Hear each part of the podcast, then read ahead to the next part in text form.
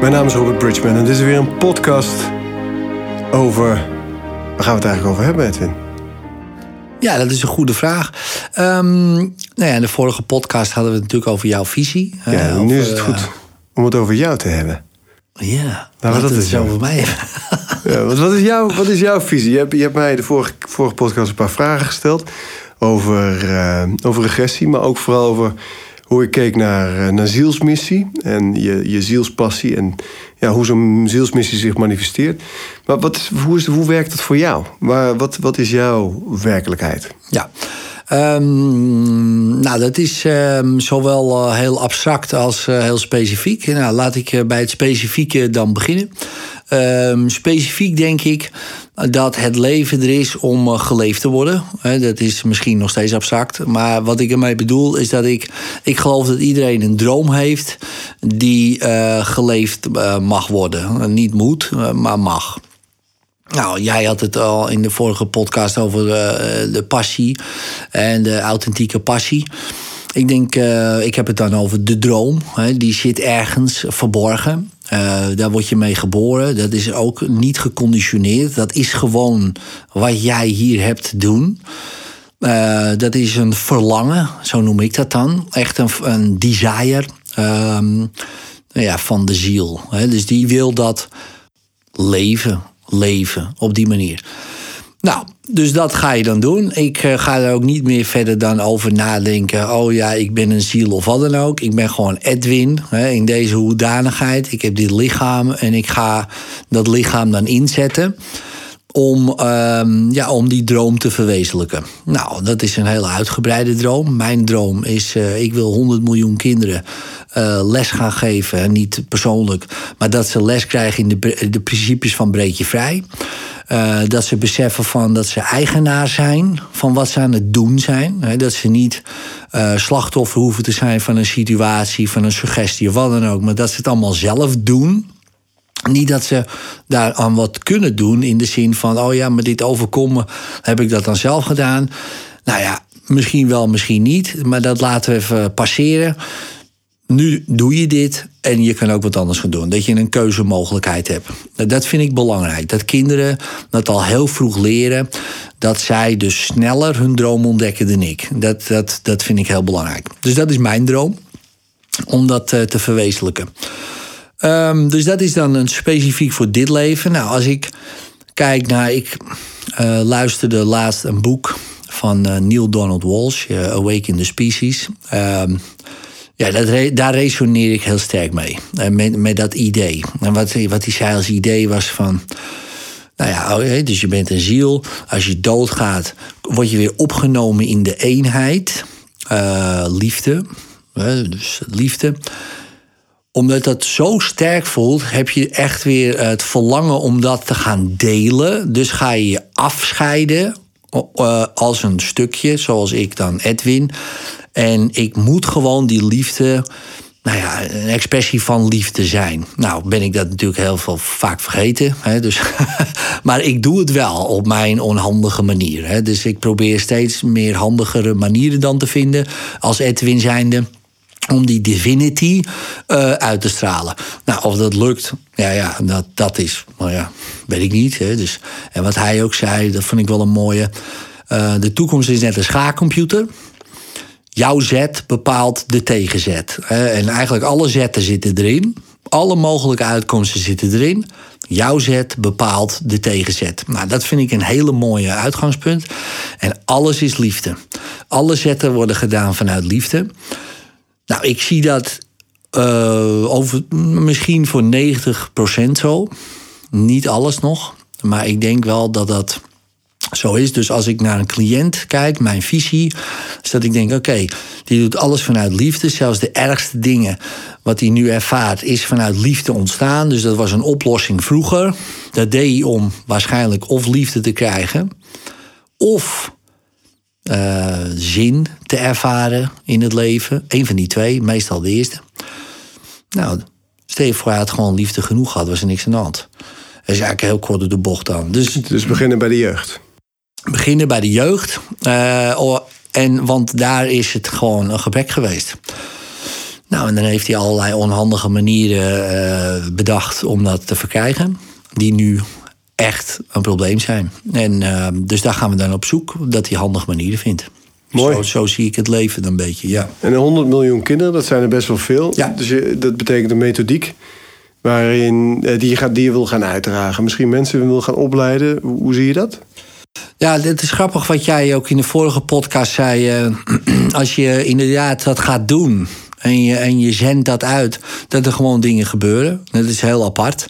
Eh, dus je krijgt opeens een mailtje van iemand die werkt op een VMBO en die zegt: Ik wil hier lesmateriaal van maken. Want eigenlijk alles wat je schrijft, ja, dat weet ik wel. Het is niet nieuw. Maar hoe je het zegt, is wel te gek. En ik denk dat, eh, want zij werkt dan op een VMBO, eh, dat die jongeren daar heel erg door aangesproken voelden, ook door jouw verhaal en dat soort dingen. En ik wil daar heel graag lesmateriaal van maken. Ja, ik kan dat niet, begrijp je? Dus eh, ik, kan wel een boek schrijven en ik kan het ook wel erover praten, maar natuurlijk niet gieten in lesmateriaal. Nou, zij wel. En, en zo komt er opeens dan. Nou ja, jij herkent dat denk ik ook wel. Opeens komen die mensen dan op je pad. Die gaan je helpen.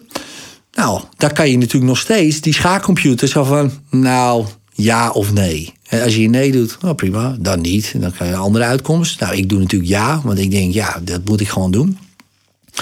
Dus binnenkort, eh, wat was waar was het ook alweer? Ergens in Zeeland, geloof ik. Eh, dan ga ik naar Zeeland en dan ga ik een ja, lezing geven voor die jongeren. Leuk, vertel mooi. verhaal. Ja, Ja, ja, dus dat mooi. is het begin. Ja. Ja. 100 miljoen, hoe kom je aan 100 miljoen? Ja, dat kwam zo op. Ik denk van eh, als, ik, als ik echt eh, voel dat er 100 miljoen kinderen eh, bereikt zijn. Hè, in zoveel verschillende landen, 20, 30 verschillende landen. En iedereen die doet, geeft dat les op zijn of haar manier natuurlijk. Dan kan ik mijn ogen sluiten en eh, opgaan in de Ja. eenheid, zou je Ja. kunnen zeggen. Ja, ja. dan ben ik blij, dan is mijn missie geslaagd. Maar het mogen er ook 99 miljoen zijn, begrijp je? Dus of meer. Dat is, eh, maar zoiets, ik, ik weet niet precies waarom 100 miljoen, maar gewoon in ieder geval genoeg om te weten: dit gaat echt iets eh, betekenen voor de wereld. Ja. En als je nou jouw breek je vrij ehm, methode of materiaal in, in het kort uitlegt, wat is dat? Ehm, dat zijn, het gaat om eh, vier denkfouten denkgoed te maken. Eh dat zal ik zo uitleggen welke dat zijn. Eh, het gaat om eigenaarschap nemen. Dat zit ook in die denkfouten. En het gaat dan om drie stappen om dat te veranderen. Nou, die vier denkfouten zijn één, focussen op wat je niet wil. Dat doen de meesten. Hè? Dus je moet gewoon je focussen op wat je wel wil. Nou, eigenlijk heel basic, maar heel veel mensen doen het fout. Echt heel veel mensen. Zelfs eh, de, de campagne van de overheid die zegt dan bijvoorbeeld langs de snelweg: word geen slaaprijder. Weet je wel? Dus, ja, om die zin te begrijpen, val je bijna in slaap. Ja. Dus eh, daar gaan er miljoenen worden in zo'n campagne gestoken. En dan nog doen ze het verkeerd. dat is echt fascinerend. Terwijl iedereen weet: ja, maar denk niet aan een roze olifant, weet je wel. Nou ja, dat, ja, ja, weet ik wel. En toch doen heel veel mensen dat nog steeds niet goed. Niet goed, hè? Dus. eh. Nou, het tweede is, eh, je hebt helemaal niks, maar je doet het. Nou, dat is wel een hele lastig eh, om die eh, om te zetten. Hè. Dus dat mensen zeggen, ja, maar ik heb gewoon een depressie, weet je wel. Of ik heb een angst. Nee, je hebt het niet, je doet het. Nou, dat is echt, voor mensen komt dat heel dichtbij. Want ja, om die echt te pakken, moet je echt eigenaarschap nemen. Zeg, ja, nee, maar ik doe het. Zelfs de meest heftige ziektes kan je zo zeggen. Ik wil niet zeggen dat het oplost. Maar je pakt je, je kracht weer terug, weet je wel. Je power, je wordt weer zelfredzaam. Nou, het derde is eh, dat alles is perceptie is. Daar hebben we het natuurlijk ook over gehad in de vorige podcast. eh, hoe ik dat zie is, alles is hypnose. Van de ene illusie naar de andere illusie. Het is allemaal perceptie, het is allemaal geen waarheid. Ja, dat, ik zei ook zoiets moois van een universele waarheid. Maar ik denk dat als we hier leven, maar dat is mijn visie dan. Je kom- ontkomt bijna niet aan die hypnose. Weet je, ik ken bijna geen wakkere mensen, eh, of eigenlijk niet. Want als ze erover gaan vertellen, dan hebben ze het alweer over die illusie zelf. Dus dat is heel lastig om, denk ik, om hier. En is het nodig? Weet ik ook niet. Maar goed, dat, dat eh, passeer ik even. En die vierde is: alles eh, komt voort vanuit de positieve intentie. Het was altijd een oplossing. Dus je kan zacht zijn naar jezelf. Nou, als je die vier kan pakken, dan hoef je jezelf nooit meer op je kop te geven. Eh, dan weet je van, hé, hey, ik doe het, ik weet niet precies hoe, maar ik kan ook wat anders gaan doen. Het is toch allemaal perceptie. eh, ik ga me gewoon focussen op wat ik graag wil. Weet je, als je dat kan pakken, als je al heel klein bent, ja, dan heb je volgens mij een topleving. Ik kon dat niet.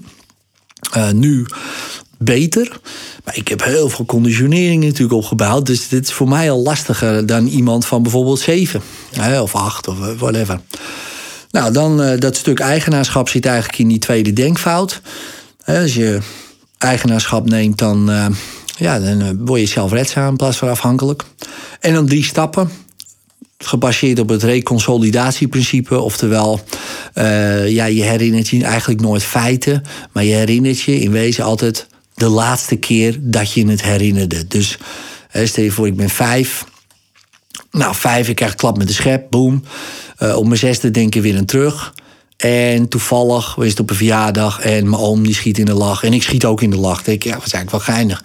Dat, dat hele idee sla ik daarbij dat beeld op.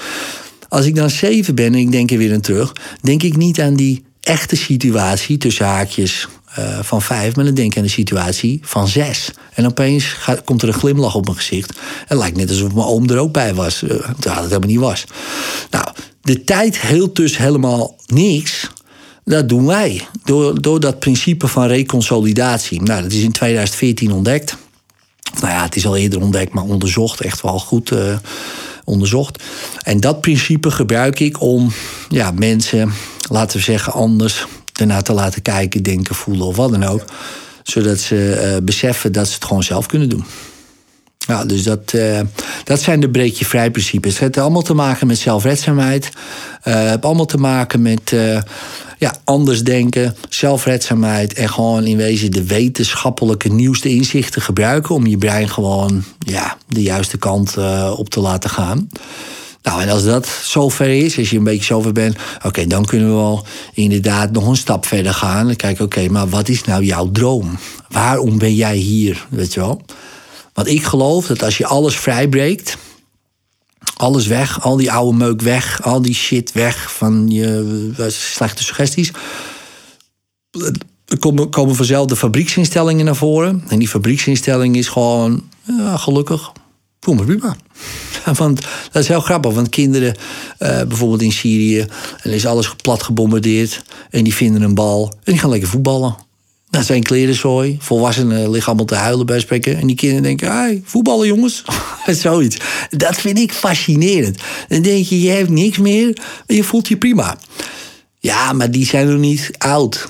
Precies, die hebben nog niet die conditionering. Dat bedoel je. Want als jij dat niet zou hebben, zou je ook gewoon gaan voetballen. Want ja, want wat moet je anders? Bij wijze van spreken. Je, je doet je verdriet. Ja. Op zo'n moment. En wat dat, dat, dat doen um, van je emoties en doen van je aan. Hoe ver ga je daarin? Heel ver. Persoonlijk dan, hè? Ja, dus ik kwam een keer bij een dokter en die zegt: uh, Ja, meneer Stelij, we hebben wel. Uh, we hebben uw bloed even nagekeken. Dus ik werd doorgestuurd naar een internist, want ik had, ja, ik had een versnelde schildklier. Dus die zegt: Ja, u heeft een verstelde schildklier. Ik zeg: Oh ja. Ik zeg: ik doe, Hoe doe ik dat, dokter? Een verstelde schildklier. Dat is een gekke vraag voor een dokter. Hè? Hij zegt, dat doet u niet. Oh, ik zeg, u? U doet hem? Uh, uh, nee. Oh, ik zeg, zijn er nog meer mensen in de zaal hier? Uh, nee, nee, we zijn met z'n Oh, dus ik zeg, ik doe het. Ja, als u het zo bekijkt, zeg ja, zo bekijk ik het. Nou, ik zeg, hoe kan ik het niet meer doen? Nou ja, had hij drie opties. Eén, we halen hem eruit. Nou, dus niet voor u van toepassing hoor, maar... Ik zeg, en dan? Nou, medicijnen erin. Ik zeg, oh, Tweede optie, uh, nou, radioactief jodium. Ik zeg, is dat niet erg? Nee, wel nee, dat is allemaal prima. Zeg, oh, want? Nou, dan stopt hij. Ik zeg, is hij dan niet nodig? Jawel. Ik zeg, waarom moet hij dan stoppen? Uh, nou, hele, vond ik hele gekke gedachte. En dan medicijnen. Oh. Dus ik denk, nou, de derde optie, weet je wel medicijnen. Ik zeg, nou dokter, ik heb de opties gehoord. Ik zeg, uh, ik ga even verder kijken. Ja, maar zegt, dat is niet de bedoeling. Ik zeg, jawel. Ik zeg, uh, ja, maar u kunt er niet zomaar weggaan. Ik zeg, moet je opletten? Ik zeg, kijk, grap. ik loop weg. Hij zegt, dan wil ik u wel na een paar maanden weer terugzien. Ik zeg, is goed. Nou, een paar maanden later, bloed afgenomen, niks meer aan de hand. Zegt hij, uh, wauw, ja. Nou, het is allemaal weer goed, hè. Ik zeg, wilt u weten wat ik gedaan heb? Hij zegt, ik weet precies wat u gedaan hebt. Ik zeg, oh, weet u dat? Ja, hij zegt, u bent een laboratoriumafwijking. Ik zeg, sorry? Ja, u hoort bij de 2% laboratoriumafwijking. Ik zeg, serieus? Ja, hij zegt, dus als u nog een keer zoiets heeft, hoeft u hier niet te komen, hè? Zegt u gewoon dat u een afwijking bent en dan kunt u weg. Ik zeg echt waar. Dus ik lachend namen we afscheid. En ik dacht, nou ja, zo zit het dus in elkaar. Dus als jij zelf redzaam. En dat doe ik nu, hè. Ik ga niet tegen mensen zeggen van dit is zo. Want iedereen heeft zo zijn eigen waarheid erin. En dit is mijn waarheid. Ik, ik vind, zelfs bij de ergste dingen... die mensen kunnen bedenken... ja, maar doe je dan ook dat? Dat is toch niet zo? Voor jou dan, prima. Voor mij wel. Ik doe het. Ik, ergens doe ik het. Ik weet niet hoe. Ik weet ook niet hoe ik dat ben begonnen te doen. Maar zoals jij dat ook mooi zei, van ja, je hebt fysiek, mentaal, emotioneel, spiritueel. Ja, ik kan fysiek gaan kijken we die schildklieren eruit halen. Ja, dan denk ik, ja, maar wat is, hoe denk ik? Ja, want wat, mensen ja. luisteren willen nu natuurlijk weten, wat heb je gedaan? Ja, dus ik denk eerst van nou, is fysiek. Uh, ligt het misschien aan voeding, uh, andere dingen, beweging? Nou, ga je dat onderzoeken. Mentaal denk ik wel goed eigenlijk. Hè? Dus heb ik daar overtuigingen. Uh, emotioneel zijn er nog trauma's hè, die misschien hier ergens zitten. Nou, die drie, ja, uh, niet echt eigenlijk. Alhoewel fysiek, volgens mij. Uh, ik heb frequentietherapie ook gedaan erop. En ik kwam met, met een scan, volgens mij, wat was het nou? Bio, een bioscan. Uh, achter van ja, er zat een bacterie ook, of een schimmel, geloof ik, ergens. Ja. Nou, dan gingen we wegresoneren. Dus dat is dan fysiek. Mooi. Spiritueel dacht ik, ja, wat betekent dat? Hè? Dus hier die keel, dat is het uiten van natuurlijk. Hè? Dus uh, uiten van met diepste emoties. Ja, ik denk, ik lul wel veel. Maar, uh, maar ga ik ook echt mijn diepste emoties vertellen? Toen dacht ik, nee, dat doe jij niet. Dus had ik er wel uit kunnen rossen. Maar dan had ik het nog steeds niet gedaan. Dus ik denk, dat ga ik oefenen. Eerst bij mezelf. Ik vond het echt, echt eng. Ik vind echt, echt, echt bang. Was ik. Ik in de spiegel mijn diepste angsten vertellen. Daarna tegen mijn vrouw, weet je wel. Dat oefenen.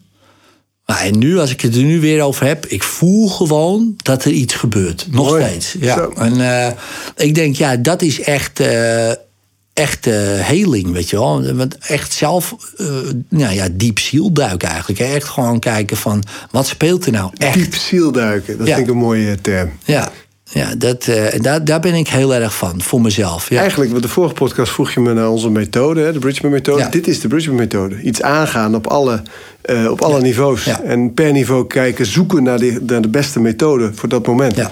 Ja, mooi. En dat werkt. Want dan, dan pak je het holistisch aan. Ja. En los je het ook, ja. ook op. Wat ja. het ook is. Ja, daar ben, daar, daar ben ik helemaal voor mezelf helemaal van overtuigd. Ook bij mijn cliënt. Ja. Want ik denk, ja... Ja, maar ik heb last van mijn borst. Of, of nou ja, laat ik iets heel heftigs nu zeggen. Bijvoorbeeld kanker. Ja, waarom heb je borstkanker en geen buikkanker... of geen kniekanker of geen uh, teenkanker? Ja. Dat zijn vier verschillende plekken met hele andere ladingen. Kun je zeggen, ja, kanker is kanker. Ja, tuurlijk, is ook zo. Um, maar waarom op die plek? Dat vind ik interessant. En ik ga niet zeggen, propaganderen dat uh, dat allemaal uh, te genezen is. Dat zou ook heel veel mensen mij tekort doen. Hè, die, die dan gewoon dat allemaal niet redden. Mijn vader heeft het ook niet gered, wil ik ook even zeggen erbij. Had prostaatkanker, ja, is overleden. Dus ik, het is echt niet zo dat ik dat bagatelliseer. Maar voor mezelf denk ik, ja, waarom had die man het daar en niet bijvoorbeeld in zijn nek? Ja, ik weet wel waarom. Ja, ja. Wat is jouw uh, invulling daarvan? Nou ja, hij huilde nooit.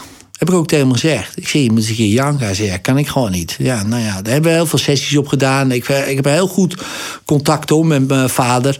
Uh, gehad, uh, nog steeds eigenlijk, zou je kunnen zeggen. Dus, um, dus hoe was zijn relatie met zijn vader? Ja, mijn opa was gewoon echt, uh, nou ja, een vrij harde man. Ja, naar mij toe, ik heb een, had een hele goede relatie met mijn opa.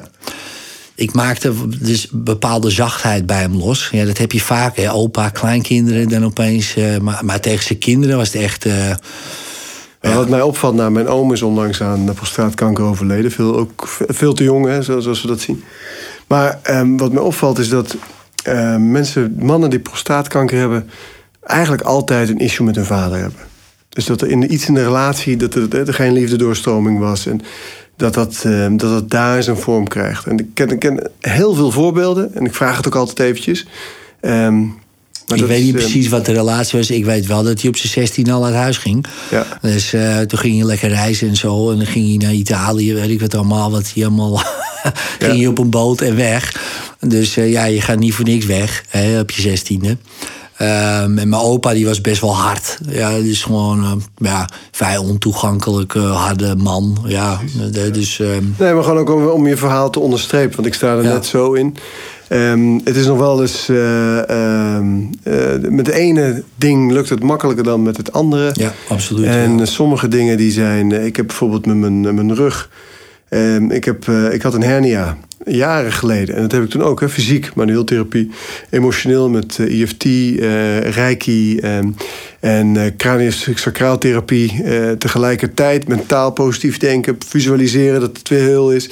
Ehm, en te kijken wat is de les. Binnen een maand was ik van mijn hernia dubbele hernia. En ik had er een MRI-scan van. En ik, het bewijs was er.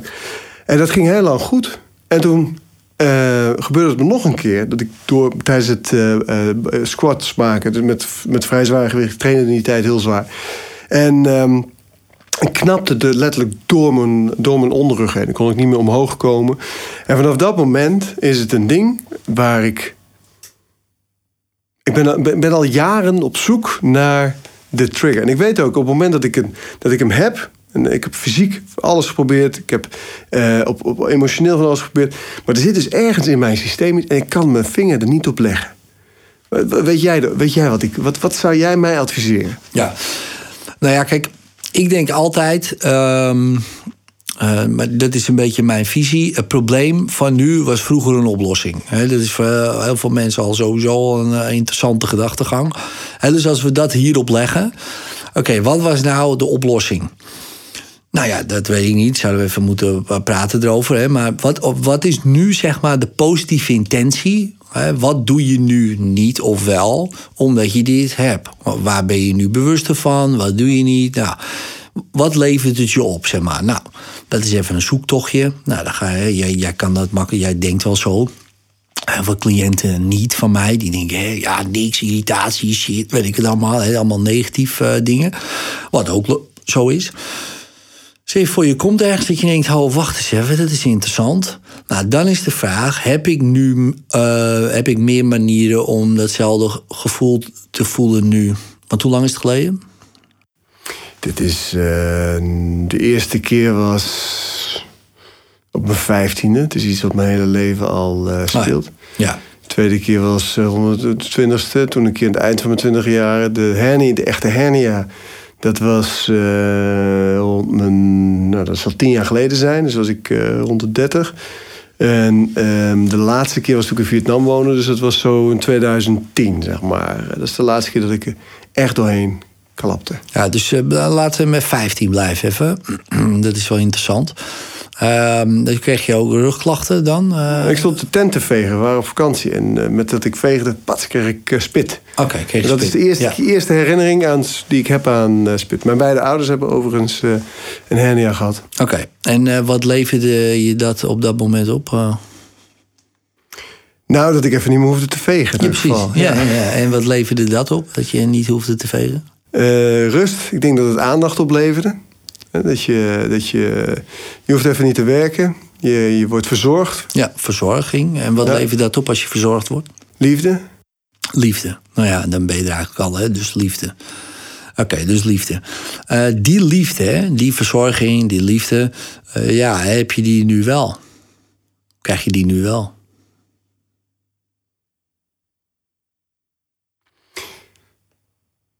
Ik ben geneigd om ja te zeggen.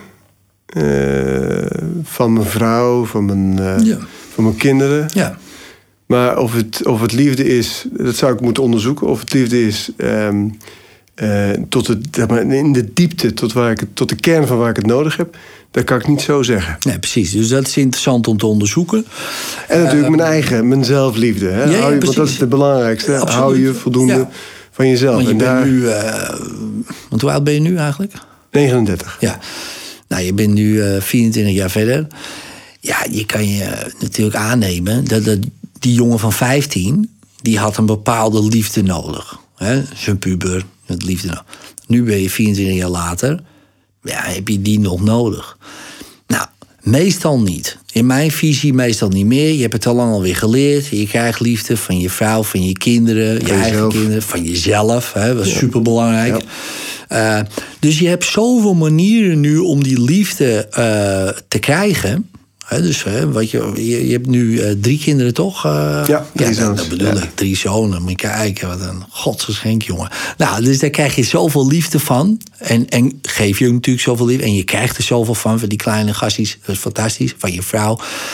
Van eh, je vrienden, je vriendinnen, de collega's. Nou ja, noem het maar op. Hè. Dus als je echt gaat nadenken, denk je, jezus Edwin, man, ik heb wel 50 manieren om eh, nu die liefde te krijgen. Die jongen van 15 had het nog niet. Je had niet zoveel. Nou, als je dan nu teruggaat en je zegt tegen die jongen van 15: Hé hey jongen, ehm, ja, ehm, ik heb het al geleerd, snap je? Kijk maar, eh, ik heb een vrouw, ik heb kinderen, krijg je nog. Je krijgt dit nog, dat nog, dit, zus, dat. Ik heb hier liefde, die vindt me fantastisch. Die, die, die zelf heb ik heel veel dingen ontwikkeld. Ik, oh jongen, ik hou zo heerlijk van mezelf. Ik vind mezelf fantastisch zo. Hè? Dus, en die jongen die ziet die momenten die die nog gaat meemaken. Denk, wauw. En je zegt tegen diegene: Jongen, je hebt het al geleerd, je hoeft het niet meer te doen. En dan, oké, begrijp je waarom je niet deed? Ja, eigenlijk wel, ja. Ik wilde eigenlijk van mijn moeder. Begrijp je waarom je je moeder zo deed? Ja, ja, ja, ja. Nu wel, ja. En je vader, ja, ja. Of wie dan ook daarmee te maken had.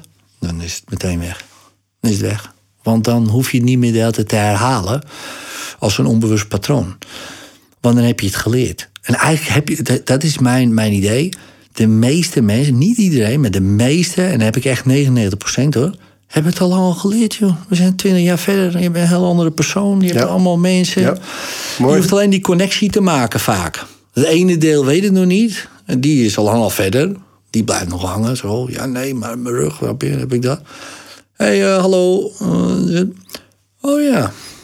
Oh, hey. Thanks hè, voor de heads up. Oh ja, oh, oh, wauw. Gaan we dat allemaal nog doen? Ja man. Oké, top. Nou, dan hoef ik dit ook niet te doen. Ga ik wel lekker vegen. Ja, ja. Dus eh, zo zie ik dat vaak. Dat is natuurlijk zo'n hypnose. eh, nou ja, die goed werkt. Nou ja, zelf doe ik dat natuurlijk ook. Hè. Soms heb je gewoon mensen nodig, vaak heel vaak, die die blinde vlekken naar boven halen. Overtuigingen vaak, die een realiteit creëren. En dan zeg je iets en je hebt niet eens door dat je het zegt, totdat iemand anders zegt: Wat zeg jij nou? Dat is een overtuiging dat je denkt: shit, shit. Ja, ja. En dan pas kan je hem veranderen. En dat veranderen is meestal niet zo heel moeilijk. Eh, voor mij dan. Eh, voor anderen misschien wel. Maar ik vind die bewustwording juist eh, het meest. omdat je er middenin zit zelf. maar dat is ook het mooiste. Ja. Ja, mooi. En wat je, wat je zegt is, stel dat je in een eh, regressie, dat ik in een regressie terug zou gaan. Mhm. Nadat, nadat, laten we zeggen dat het op 15 jaar, misschien is het nog iets eerder wat, wat eruit komt. Hè. En eh, ik laat dus het filmpje van mijn leven van toen naar nu zien. Hè. Dat is een techniek die ik ook veel gebruik. Ja. Ook bij emotionele trauma's of bij mentale eh, Ja. beperkingen. Dan eh, neem je als het ware dat bewustzijn is daar blijven hangen Ja. in die periode. En die neem je als het ware mee naar het nu. Waardoor dit in het volwassen bewustzijn komt en de heling plaats kan vinden. Ja. En dat kun je doen met de fysiek. Nu met mijn rug. Ik vind het interessant, want ik had die, die nog niet gezien, nog niet getackeld voor mijn. eh, het is altijd eh, bij de loodgieter thuis lekker de pijpen. Hè? Dus voor mijn eigen rug. Dus die ga ik Tuurlijk. proberen. Ja, gaan we, ja, gaan we, is mooi, is live, mooi, Ja. mooi live zo. Dus ik ga dat. Eh, op, dan gaan we later een keer gaan we dat weer laten zien hoe dat gegaan is. Maar dat doe je ook met emotionele trauma's. Dat doe je met mentale trauma's. En wat mensen zich vaak niet beseffen is dat ze ehm, heel veel delen van een mens leven nog in het verleden. Ja. leven nog in de kindertijd of absoluut, leven nog in de, in, de, absoluut. in de puberteit. Daarom heb je soms ook dat je heel kinderachtig reageert. Ja. Of dat je, dat je partner ineens reageert. Zo- En dat je denkt, Nee, dat wil ik helemaal niet zo. jij? Nee, dat doe, doe gewoon. Ja, Zo. precies, ja, precies. En, ehm, maar het is interessant om, om, ehm, ehm, om te beseffen. En dat komt dus in jouw methode ook heel sterk terug. Hè, dat je Ja. die stukken naar het nu haalt, als het ware. Ja, ik durf eh, eh, zeker te zeggen dat ik, ik. Ik zie ook wanneer, eh, wanneer iemand switcht. Hè? Dus die- die- sommige mensen switchen in één zin. Ehm, die beginnen te praten in het deel van... ja, nee, eigenlijk wil ik wel veranderen, weet je wel. Maar ik vind het zo lekker. En dan denk ik, oh, die tweede... Hè, maar ik vind het zo lekker, die...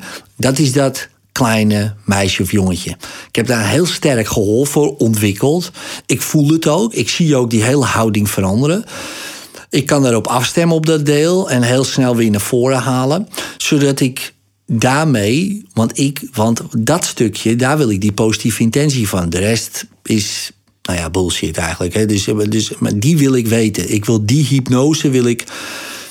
En dat is, ik denk dat is eh, de kunst, vind ik. Van oké, wat is nou het echte probleem? Niet het symptoom, maar wat is nou echt, waar, waar echt en waar is het gebeurd? Nou, dat hoor je vaak als je goed luistert. Als je de oren en het gevoel. En uh, nou ja, dat, dat, zo train jij natuurlijk ook mensen. Echt voelen, helemaal in het moment. En, en dan weet je het gewoon. Ja, jij krijgt het door. Ja, ik, ik, zie, het, ik, ja, ik zie het gewoon. En dat is misschien ook doorkrijgen. Weet je, het is gewoon hetzelfde principe. Ja, En ik hoor, het, uh, ik hoor het nog eerder dan dat ik het zie. Dan hoor ik een toontje en denk ik wacht even, die toontje. Dat is zo'n toontje, denk ik dan. Uh, Mooi. Ja, en, um, en als je dat, als je die weet en die positieve intentie, dan kan je eigenlijk vrij snel de switch maken.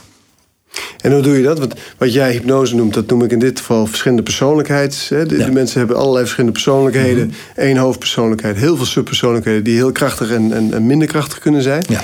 En ik kijk ook altijd als ik aan het coachen ben, ben ik bezig met het, het woordgebruik, taal, hoe iemand spreekt, de toon, lichaamshouding, ademhaling, hoe iemand ja. beweegt, hoe iemand uit zijn of haar ogen kijkt. En daarin kun je die switch zien. Dus je kunt zien of iemand in een bepaald stuk Klopt. of een bepaald persoonlijkheidsstuk. Ja. En daar zijn heel veel manieren voor om diegene eruit te halen. En uh, wat, wat gebruik jij? Ja, nou ja. Uh, ja, dit is zoveel mensen, zoveel technieken, zeg ik, uh, zeg ik dan. Kijk, mijn stijl is, uh, ik noem het altijd, ik ben best wel provocatief. Ik ben best wel hard naar mensen toe. Uh, maar wel op een humoristische manier.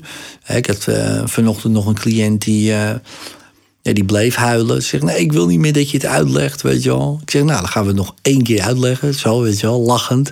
En op een gegeven moment schiet ze gewoon in de lach. Ja, je kan niet, ja, als ik het vijf keer hetzelfde zeg. Ja, maar hoe doe ik het dan? Ik, oh, ik zeg, sorry, ja, ik zal het nog één keer uitleggen hoe jij dat gaat doen. Nou, en op een gegeven moment schiet ze in de lach van de eigen... Uh, nou ja, zou je kunnen zeggen, slachtoffergedrag. Ja. En opeens denk ze, ja, jezus, waar ben ik eigenlijk mee bezig, weet je wel? Ja. Ik zeg, zou ik het nog één keer uitleggen? Of uh, weet je het nu? Ja, nee, nee. Nou, dan moet ze het nog steeds zelf doen. Uh, maar ik kan best wel zo, zo, zo hard zijn of, of duidelijk zijn, noem ik het maar.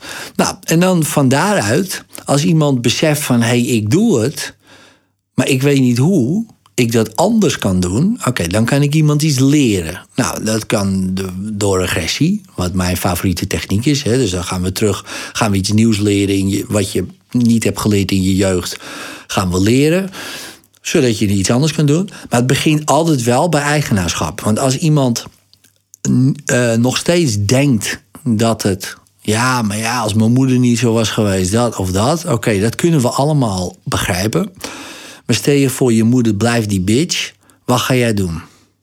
Ja, ik nooit over nagedacht. Nou, dat lijkt me verstandig dat we dat gaan doen dan. Pas als ze dat begrijpen van... hé, hey, maar ik kan anders reageren... Ja, dan kunnen ze wat anders leren. Nou ja, en dan ja, dan, nou ja, goed, dan heb je een scala. Dan volg je de stappen, want ik noem dat de acht stappen van transformatief coachen. Um, uh, jij hebt daar je eigen invulling aan gegeven. En we zijn allebei, weet ik, op dat gebied, in elk geval door Tony Robbins, uh, uh, geïnspireerd. Ja, zeker. dus het is de, de, de, de um, de wereld van je cliënt, de issue in kaart brengen. Vervolgens een hefboom creëren, wat je net zei. Een hefboom ja. creëren om tot oplossing, die motivatie om die opleiding, oplossing te vinden. Het patroon doorbreken. Nou, dat kan provocatief, ja. dat kan met humor, dat kan met een, een flinke opmerking. Dat kan uh, uh, op allerlei manieren. En vervolgens ga je alternatieven schetsen. Um, en kijken, nou, wat, wat, is dan, wat, wat kan interessant zijn voor diegene. Um, uh, sorry, je gaat eerst de issue verkleinen, helemaal isoleren, tot iets heel kleins maken wat oplosbaar is. Dan ga je alternatieven schetsen.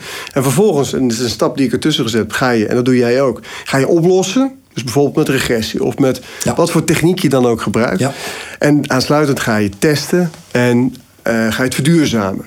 Ja. En ik vind ook een, een, regressie, als je iemand een regressie hebt, dan werkt dat verduurzamen zo heel mooi. Omdat je iemand al in een staat hebt waarin hij heel gevoelig is voor suggesties. Als je weet dat iemand een bepaalde kant op kan, kun je heel mooi meebewegen. Hè, met, die, eh, met die nieuwe staat van zijn, als het ware. En programmeer je die nieuwe staat, of help je je cliënten ook om de nieuwe staat op een diep niveau eh, in te vullen. Ja. Dus die, eigenlijk is die werkwijze is best wel ehm, eh, breed aan het worden. Hè? Dus de, de, de, de, die stappen. Ik weet dat Michael Pilacic ze ook gebruikt. eh, die in zijn boek Master Your Mindset eh, omschrijft. Die eigenlijk dezelfde stappen. ook geïnspireerd op, op Tony Robbins. En ehm, zijn we op dit gebied eigenlijk allemaal niet heel veel. Ben je, ben je bij hem geweest, Tony Robbins? Ben je daar geweest? Ja. Ja, Heb je, welke heb je gedaan? Unleash Your Potential. ja, Unleash the Power Within. En daar hebben we ook al. Oh ja, zo heet hij ja. Unleash the Power Within. Heb je hem ontmoet? Nee, ik heb jou ontmoet. Oh, je hebt mij ontmoet daar. Ja, dat klopt ja. Fuck, dat is waar ook. Ja.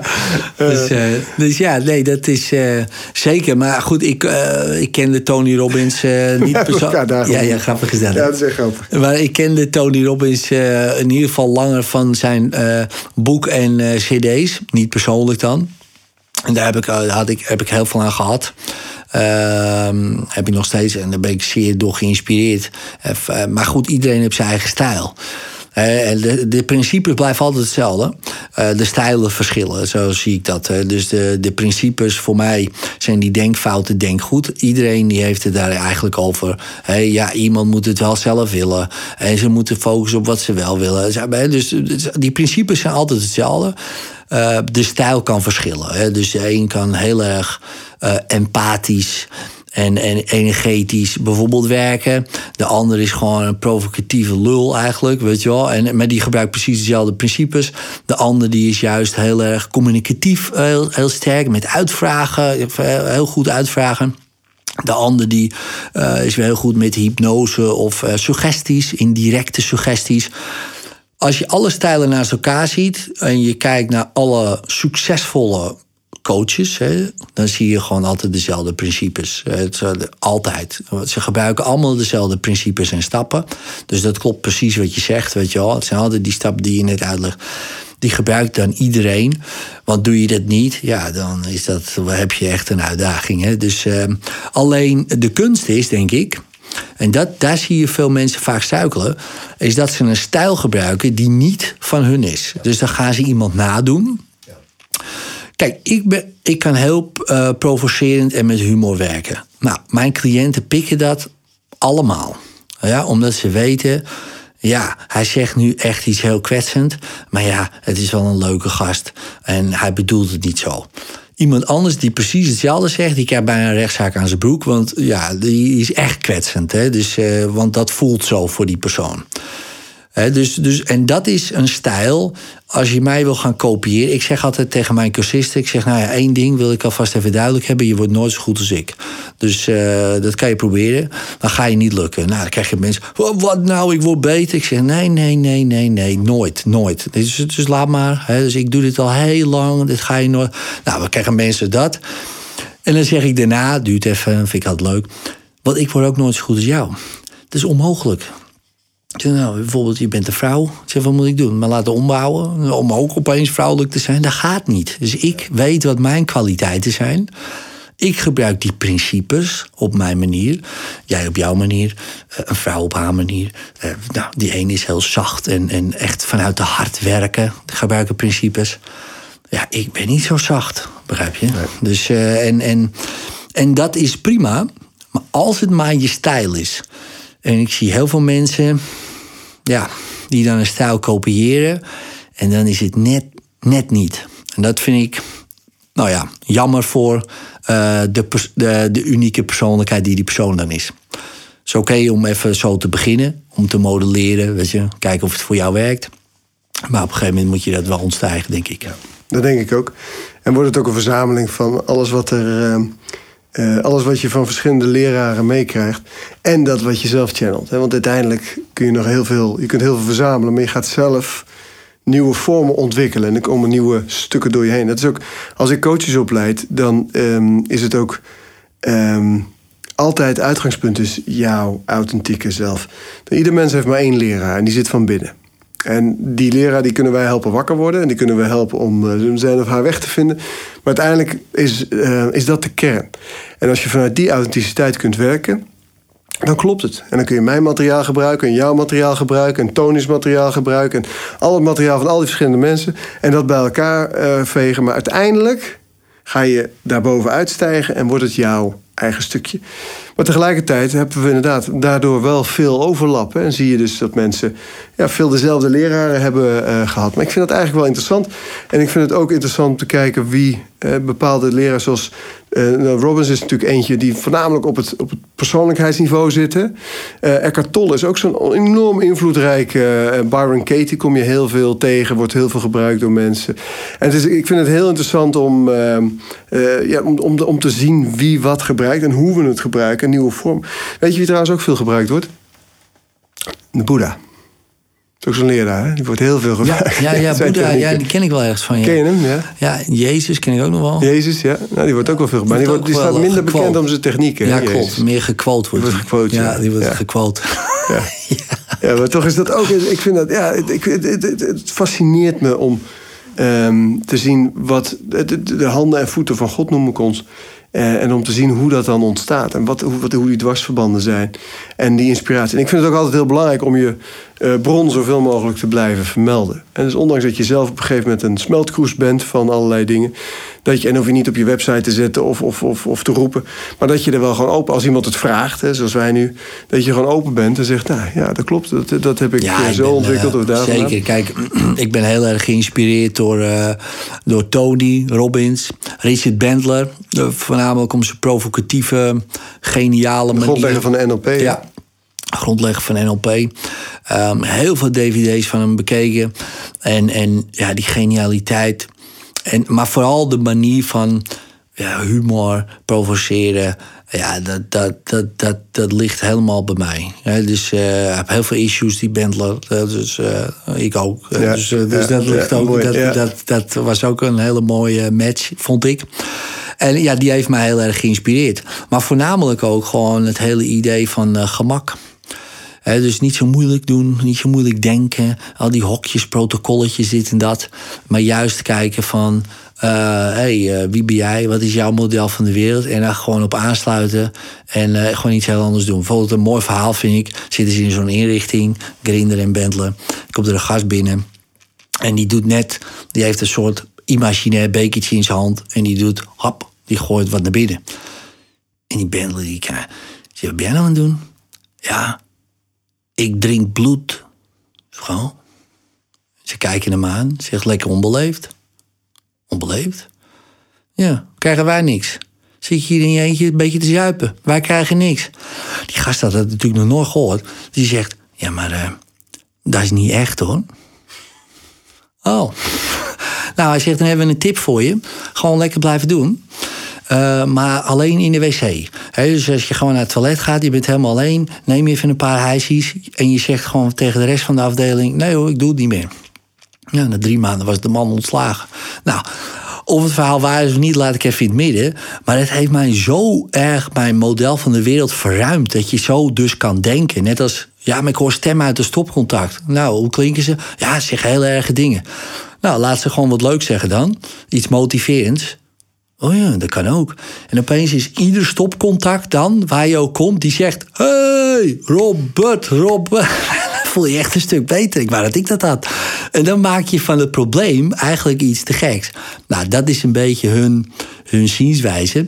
Ik zal niet zeggen dat dat met alles werkt of zo. Maar dat heeft mijn model zo verruimd. En mijn idee over uh, problemen. Ook naar mezelf. Hè, dat ik denk: Gast, wat maak je jezelf moeilijk, jongen. En dat, dat, ja, dat. Uh, dat zijn wel twee grote inspirators geweest. Naast natuurlijk nou ja, veel meer mensen natuurlijk. Hè. Dus uh, Jezus voornamelijk ook een hele grote inspirator. Geen, niet om zijn technieken, maar gewoon dat ik denk, ja, de man, als je gewoon voor Christus had en na Christus. Hè, dus uh, jij bent geboren en dat is onze tijdsbeleving geweest. Ja, ik weet niet wat je hebt gedaan, maar dan was het toch iets heel bijzonders. Uh, dus dat vind ik ook heel inspirerend. Ja, en zo kan ik er nog heel veel mensen opnoemen. Ik vind jou ook heel inspirerend. Eh, dus uh, ja, en zo, ik, honderden mensen inspireren mij. Um, maar goed, uh, ik noem er nou drie. En dat doe ik heel veel mensen tekort eigenlijk. Maar goed, dat maakt niet uit. Nou, als, je, als, je, mij in het rijtje Tony Robbins, Richard uh, um, Branson, uh, Jezus, en ja, Robert Bridgman, dat, dat vind ik wel een, een eer. Nou, ik vind jou ook inspirerend en ik ben je ook dankbaar. Want um, jij hebt, we doen samen die regressie- en reïncarnatie module, die opleiding. Um, en jij hebt je hele alles wat, wat, je, wat, wat je daar normaal gesproken voor zou krijgen, heb je gedoneerd aan mijn stichting. Ja. Ter um, uh, ere van het uh, project More Than a Pipeline. Hè, ja. Over de documentaire die ik heb gemaakt ja. over Indianen die onderdrukt wordt. Ja. En, dat, uh, en los van dat ik je heel inspirerend vind als leraar en als, als trainer en als seminargever en als mens, vind ik dat ook heel inspirerend. En ben ik je, wil ik je heel hartelijk voor danken. Alsjeblieft. Ja. En we gaan die opleiding binnenkort geven ja. samen. Ja, kijk man. Ja, ja, En volgens mij moeten we nog... Dit gaat over regressie en reïncarnatie. Maar we kunnen er nog wel meer opleidingen aan vastklopen... als ik dit uh, ja, gesprek zo Ja, ja, ja. Als met wij, werkwijze. ik denk dat wij even uh, een dagje gaan zitten... dan, uh, dan komen we erbij aan. Dat denk ik ook wel, ja. Dat zou zo wel kunnen, ja. Nou, wie weet. Ja, dat lijkt me altijd leuk. Sowieso om even een dagje te zitten. Ja, ja. gaan we doen. Ja, leuk. Dankjewel. Alsjeblieft, jou ook bedankt uh, voor de uitnodiging. Ik vond het echt uh, inspirerend. Ook om, uh, ja, om gewoon jouw zienswijze. En dan denk ik, ja, zie je wel eigenlijk. Um, sommige dingen denk ik tegenovergesteld over. Maar als je dan gaat upchunken, weet je wel, komt eigenlijk wel, is het allemaal hetzelfde. Het komt, komt allemaal ja. vanuit hetzelfde. En dat, dat vind ik mooi altijd. om te kijken van, hé, hey, we, we doen hetzelfde op een hele andere manier. En dat, dat is altijd leuk om te zien, ja. Dus uh, thanks daarvoor ook. Dankjewel. Ja. Nou, dit was de laatste van drie podcasts die Edwin en ik uh, samen hebben gemaakt. Uh, over hypnose, over regressie, over reïncarnatie, over ons, over het leven. En dank je wel voor je aandacht. Ik, ik hoop en ik vertrouw erop dat we je geïnspireerd hebben, dat we je geraakt hebben. En dat we je handvat hebben kunnen geven voor een volgende stap. Of je nou ja, jezelf wil ontwikkelen of dat je naar anderen wil ontwikkelen. Er is zoveel en zoveel mogelijk. Laat je inspireren. Eh, neem een deep dive in alles wat er is en geniet ervan. Dank voor je aandacht.